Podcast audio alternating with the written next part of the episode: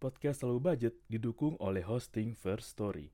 First Story adalah platform hosting yang lengkap, praktis, dan mudah digunakan untuk membuat, mendistribusikan, dan mengelola podcast kamu.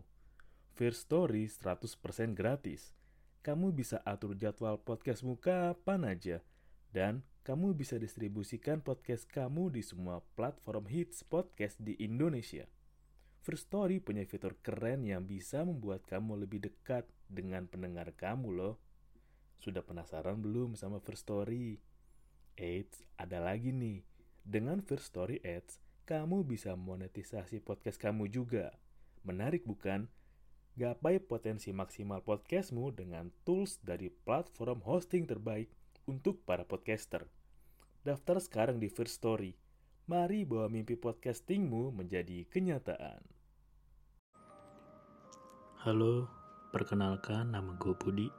Saat ini umur gue 28 tahun.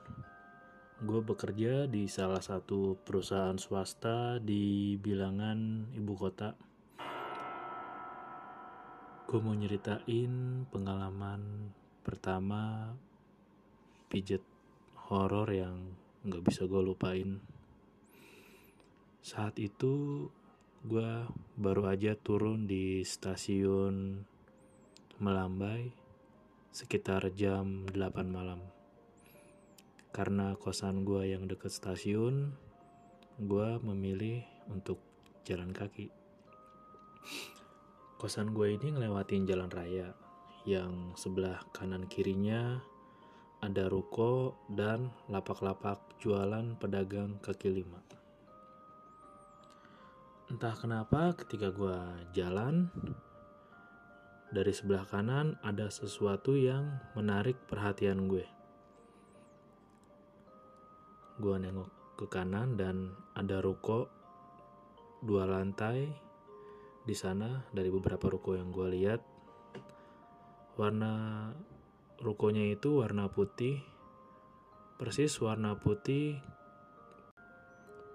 yang udah lama kena sinar matahari, hujan, putih-putih, pudar karena kelamaan kena perubahan cuaca. Yang bikin gue tertarik ketika gue nengok ke ruko itu, di sana ada banner yang ditempel.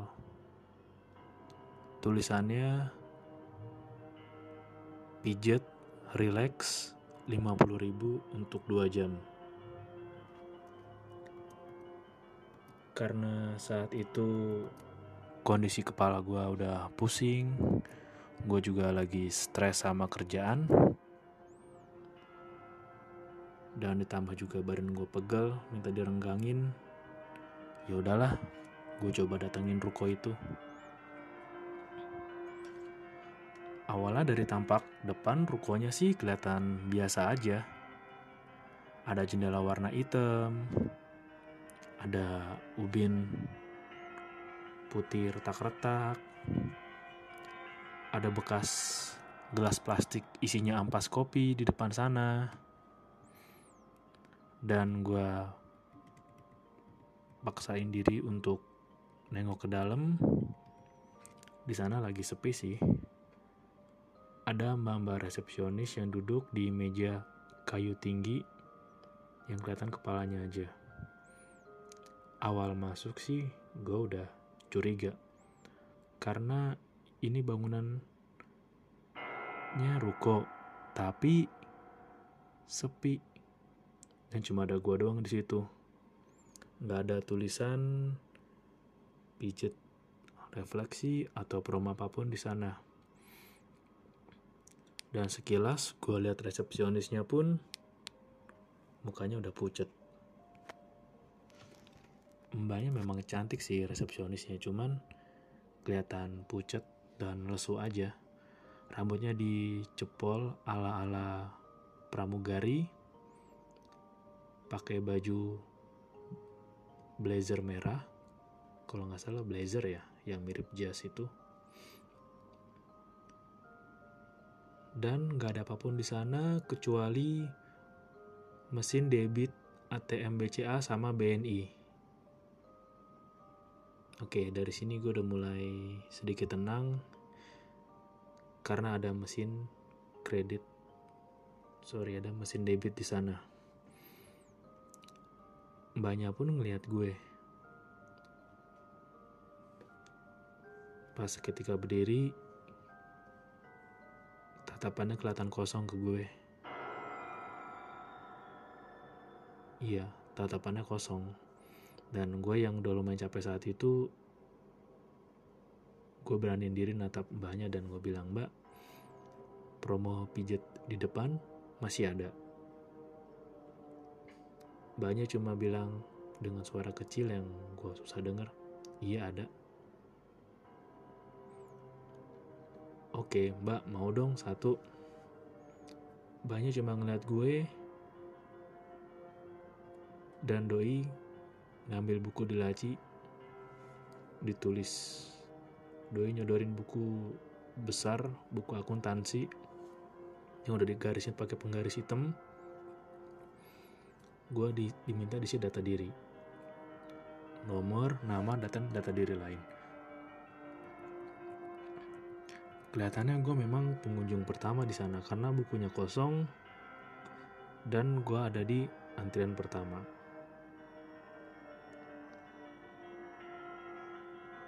pas gue lihat nama mbak itu di name tag meja ke mejanya M titik Deni. Oke, namanya M titik Deni. Kalau gue baca-baca sih, berarti nama kalau di nggak disingkat Medeni ya. Kalau nggak salah Medeni itu dalam bahasa Jawa artinya nakut-nakuti. Ah, itu asumsi gua aja. Nggak mungkin namanya Medeni. Mungkin namanya Mia Ramadhani. Mbak Deni cuma nyuruh gua ke lantai dua. Di sepanjang lorong, nggak ada yang kelihatan aneh sih. Sampai gue tiba di atas, ke lantai dua cuma ada dua bilik di sana. Dan kebetulan karena kosong dan gue pilih bilik yang sebelah kiri kebetulan biliknya ini persis sama-sama di hadapan jendela. Sampai di sana gue disambut oleh seorang terapis yang kalau gue lihat namanya sih Mbak Meli ya. Mbak Meli ini TB-nya kira-kira 165 cm, TB-nya 58 lah. Untuk lingkar pinggang dan lingkar dada gue juga nggak tahu ya, gak sempet nanya waktu itu. Mbak Meli ini perawakannya putih sih, dan juga agak pucet, cuman nggak sepucet Mbak Deni di bawah. Ya udahlah, gue mencoba menyarikan suasana dengan masih pakai kemeja kantor, masih pakai tanah bahan kemeja, dan Mbak sih rambutnya dikuncir belakang juga, kayak model kuncir kuda. Ya, gue coba nanya, e, Mbak, namanya Mbak Meli ya? Ah, pasti nama panjangnya ini Meli. Melihat boleh, pegang jangan gue yang mencoba mencarikan suasana cuman Mbak Meli kelihatan biasa aja.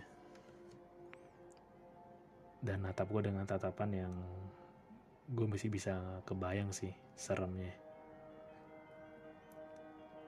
Mbak Meli cuma suruh gue untuk tiduran di kasur dan kasurannya kebetulan kayak kasur di rumah sakit. Lo tau kan kasur rumah sakit yang pakai matras pakai selimut putih kasur matrasnya itu persis kayak kasus kasur matras yang lu pakai buat senam lantai di sekolah. Yang lu buat latihan lompat harimau sikap lilin nah. Kasur model gitu dengan bantal yang cukup keras ala-ala bantal matras. Yang bantal yang kalau lu pakai buat tidur miring ke kanan atau kiri besok paginya pasti lu salah bantal. Ya udah gue pikir tadinya 50 ribu dapat 2 jam. Ya nggak apa-apa juga sih. Mbak Meli cuma nunjuk gue untuk tiduran di kasur. Cuman karena mungkin Mbak Meli grogi kali ya. Gue nggak mencoba maksudnya apa dia nunjuk. Gue rebahan terus Mbak Meli masih nunjuk. Gini mbak rebahan. Masih nunjuk-nunjuk. Gimana sih? Kayak gini miring kanan dia masih nunjuk oh tengkurap. Ya udah tengkurap lah. Perlahan Mbak Meli mijit tangannya ke kemeja gue. Ya mungkin agar suasana lebih rileks gue tahan Mbak Meli. Tahan ya mbak. Saya buka kemeja dulu. Gak enak kemeja kantor. Soalnya besok masih mau dipakai lagi gue lepas kemeja kantor gue dan gue longgarin celana kerja gue. Gue coba pakai kaos kutang doang dan celana yang udah longgar. Pertama kali mbak Meli nyentuh gue gue kerasa tangannya anyep banget. Kayak orang lagi nahan lapar. Ya awalnya emang takut sih tapi gue coba biasain aja ya mungkin Mbak Meli ini emang lagi nahan lapar atau emang tangannya dingin aja? Kayak grogi baru pertama mijet. Kalau gue nilai sih pijatannya Mbak Meli lumayan ya. Cuman agak kurang neken aja sih. Gue juga nggak enak mau minta banyak-banyak karena 50 ribu dua jam untuk mijat tuh udah murah gue coba nikmatin pijatan pijatan Mbak Meli dan berusaha terlungkup ke kiri miring ke kiri leher gue di bantal itu yang gue yakin sih gue baru miring sebentar aja udah sakit leher gue. Ya udah nggak apa-apa lah. Perlahan gue nikmatin pijatannya dan gak lama ketiduran mungkin saat itu gue udah tidur sekitar satu jam dan pijatan Mbak Meli udah nggak seenak pertama tadi. Gue yang mencoba mencairkan suasana. Eh, Mbak pijatnya kok nggak berasa sih? Ya gue cuma bisa bergumam. Ya namanya pijet 50 ribu dua jam lu mijit biasa tangan sejam juga udah kebas. Akhirnya gue coba nawarin ke Mbak Meli untuk gantian. Ya udah Mbak. Sini deh gantian. Saya yang pijet tangannya Mbak pasti kram ya. Pijet saya terus. Mbak Meli cuma natap gue dengan tatapan kosong. Dan gue belum tahu saat itu maksudnya apa. Ya udah. Mungkin saat itu Mbak Meli juga kelihatannya malu sih untuk tiduran dan nggak bisa disembunyiin tangan yang lumayan kesemutan dan kaku habis mijit gua. Dia tiduran. Tiduran dan saat itu Mbak Meli pakai kemeja putih atau blazer putih yang mirip perawat gitu setelah Mbak Meli mau tiduran gantian lah gue mijetin dia. Bisa dibilang pun badan Mbak Meli putih ya kalau dari belakang. Tapi kulitnya agak anyep dan dingin. Pelan gue pijet pundaknya gue pijet pundaknya turun mulai ke daerah pinggang pas gue pijet loh kok di bagian punggung ada gernis-gernis wih apa di punggung gernis-gernis nih? Oh ternyata BH-nya hmm, Mbak Meli saat itu lagi pakai BH model-model zaman dulu yang kayak model Kate Winslet di Titanic yang panjang gitu uh, Mbak Meli, saya buka ya. kemben BH-nya biar enak mijitnya. Doi diem aja.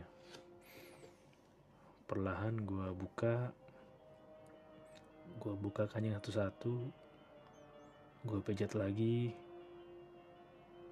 gua mulai melebarkan tangan gua ke samping kanan dan samping kiri punggungnya dan loh, loh, apa ini? Yang netes dari dadanya, apa ini yang bocor? Loh, pas saya lihat susunya tumpah. Oh, ternyata Mbak Meli ngantongin susu Denko di depan. Makanya susunya tumpah-tumpah ke samping. Ini kayaknya Mbak Meli ngantongin susu Denko yang kemasan itu ya, yang rasa full cream. Yang satu bungkus kalau nggak salah 3.500an lah. Ya mungkin Mbak Meli masih grogi lah, masih ragu-ragu. Cuman, anehnya setelah kejadian itu, gue ngerasa ada yang aneh di punggung Mbak Meli. Karena tekstur kulitnya yang tadinya agak keras, lama-lama lembek. Kok lembek sih? Loh, loh, loh, lembek kenapa ini? Loh, dan tiba-tiba dari balik bajunya dari bagian punggung ada bercak darah. Rembes satu-satu. Gue yang cuma bisa keringat dingin berusaha tetap tenang dan gue berharap mbak Meli nggak nengok ke belakang. Karena gue saat itu panik setengah mampus karena lama-lama darahnya makin banyak yang keluar dari balik meja gue coba ambil jeda sebentar dan mundur pelan-pelan. Atau sambil mundur alon-alon.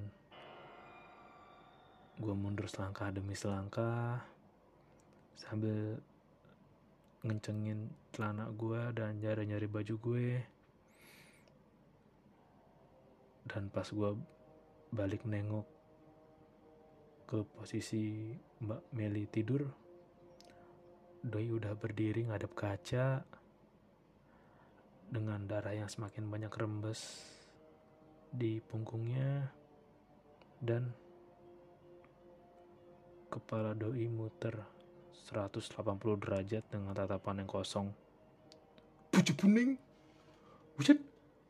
Loh, loh, loh loh loh gue yang panik. Berusaha nyari ke meja gue bawa tas gue dan gue beraniin diri buat lari sekencang-kencangnya buat turun. Tiba-tiba seisi ruko itu seperti gempa goyang-goyang-goyang. Gue yang panik gue yang lari dengan kancing kemeja kantor belum sepenuhnya gue pasang. Celana juga masih kedodor-dodoran lari. Mbak Denny di resepsionis juga udah nggak ada. Tapi sih mesin debitnya masih ada. Gue lari keluar gue tersungkur dan ketika gue balik badan itu ruko ternyata ruko kosong. Ruko kosong yang udah lama nggak ditempatin gue nggak tahu sih mau reaksi reaksi kayak gimana. Gue asli panik dan takut setakut takutnya cuman gue masih bersyukur sih. Karena badan gue udah keenakan setelah dipijit Mbak Meli gue juga nggak perlu bayar jasa pijatnya walaupun 50 ribu 2 jam. Oke, itu dia pengalaman yang bisa gue share. Pengalaman pertama pijit horor gue. Sampai jumpa di cerita gue yang lain.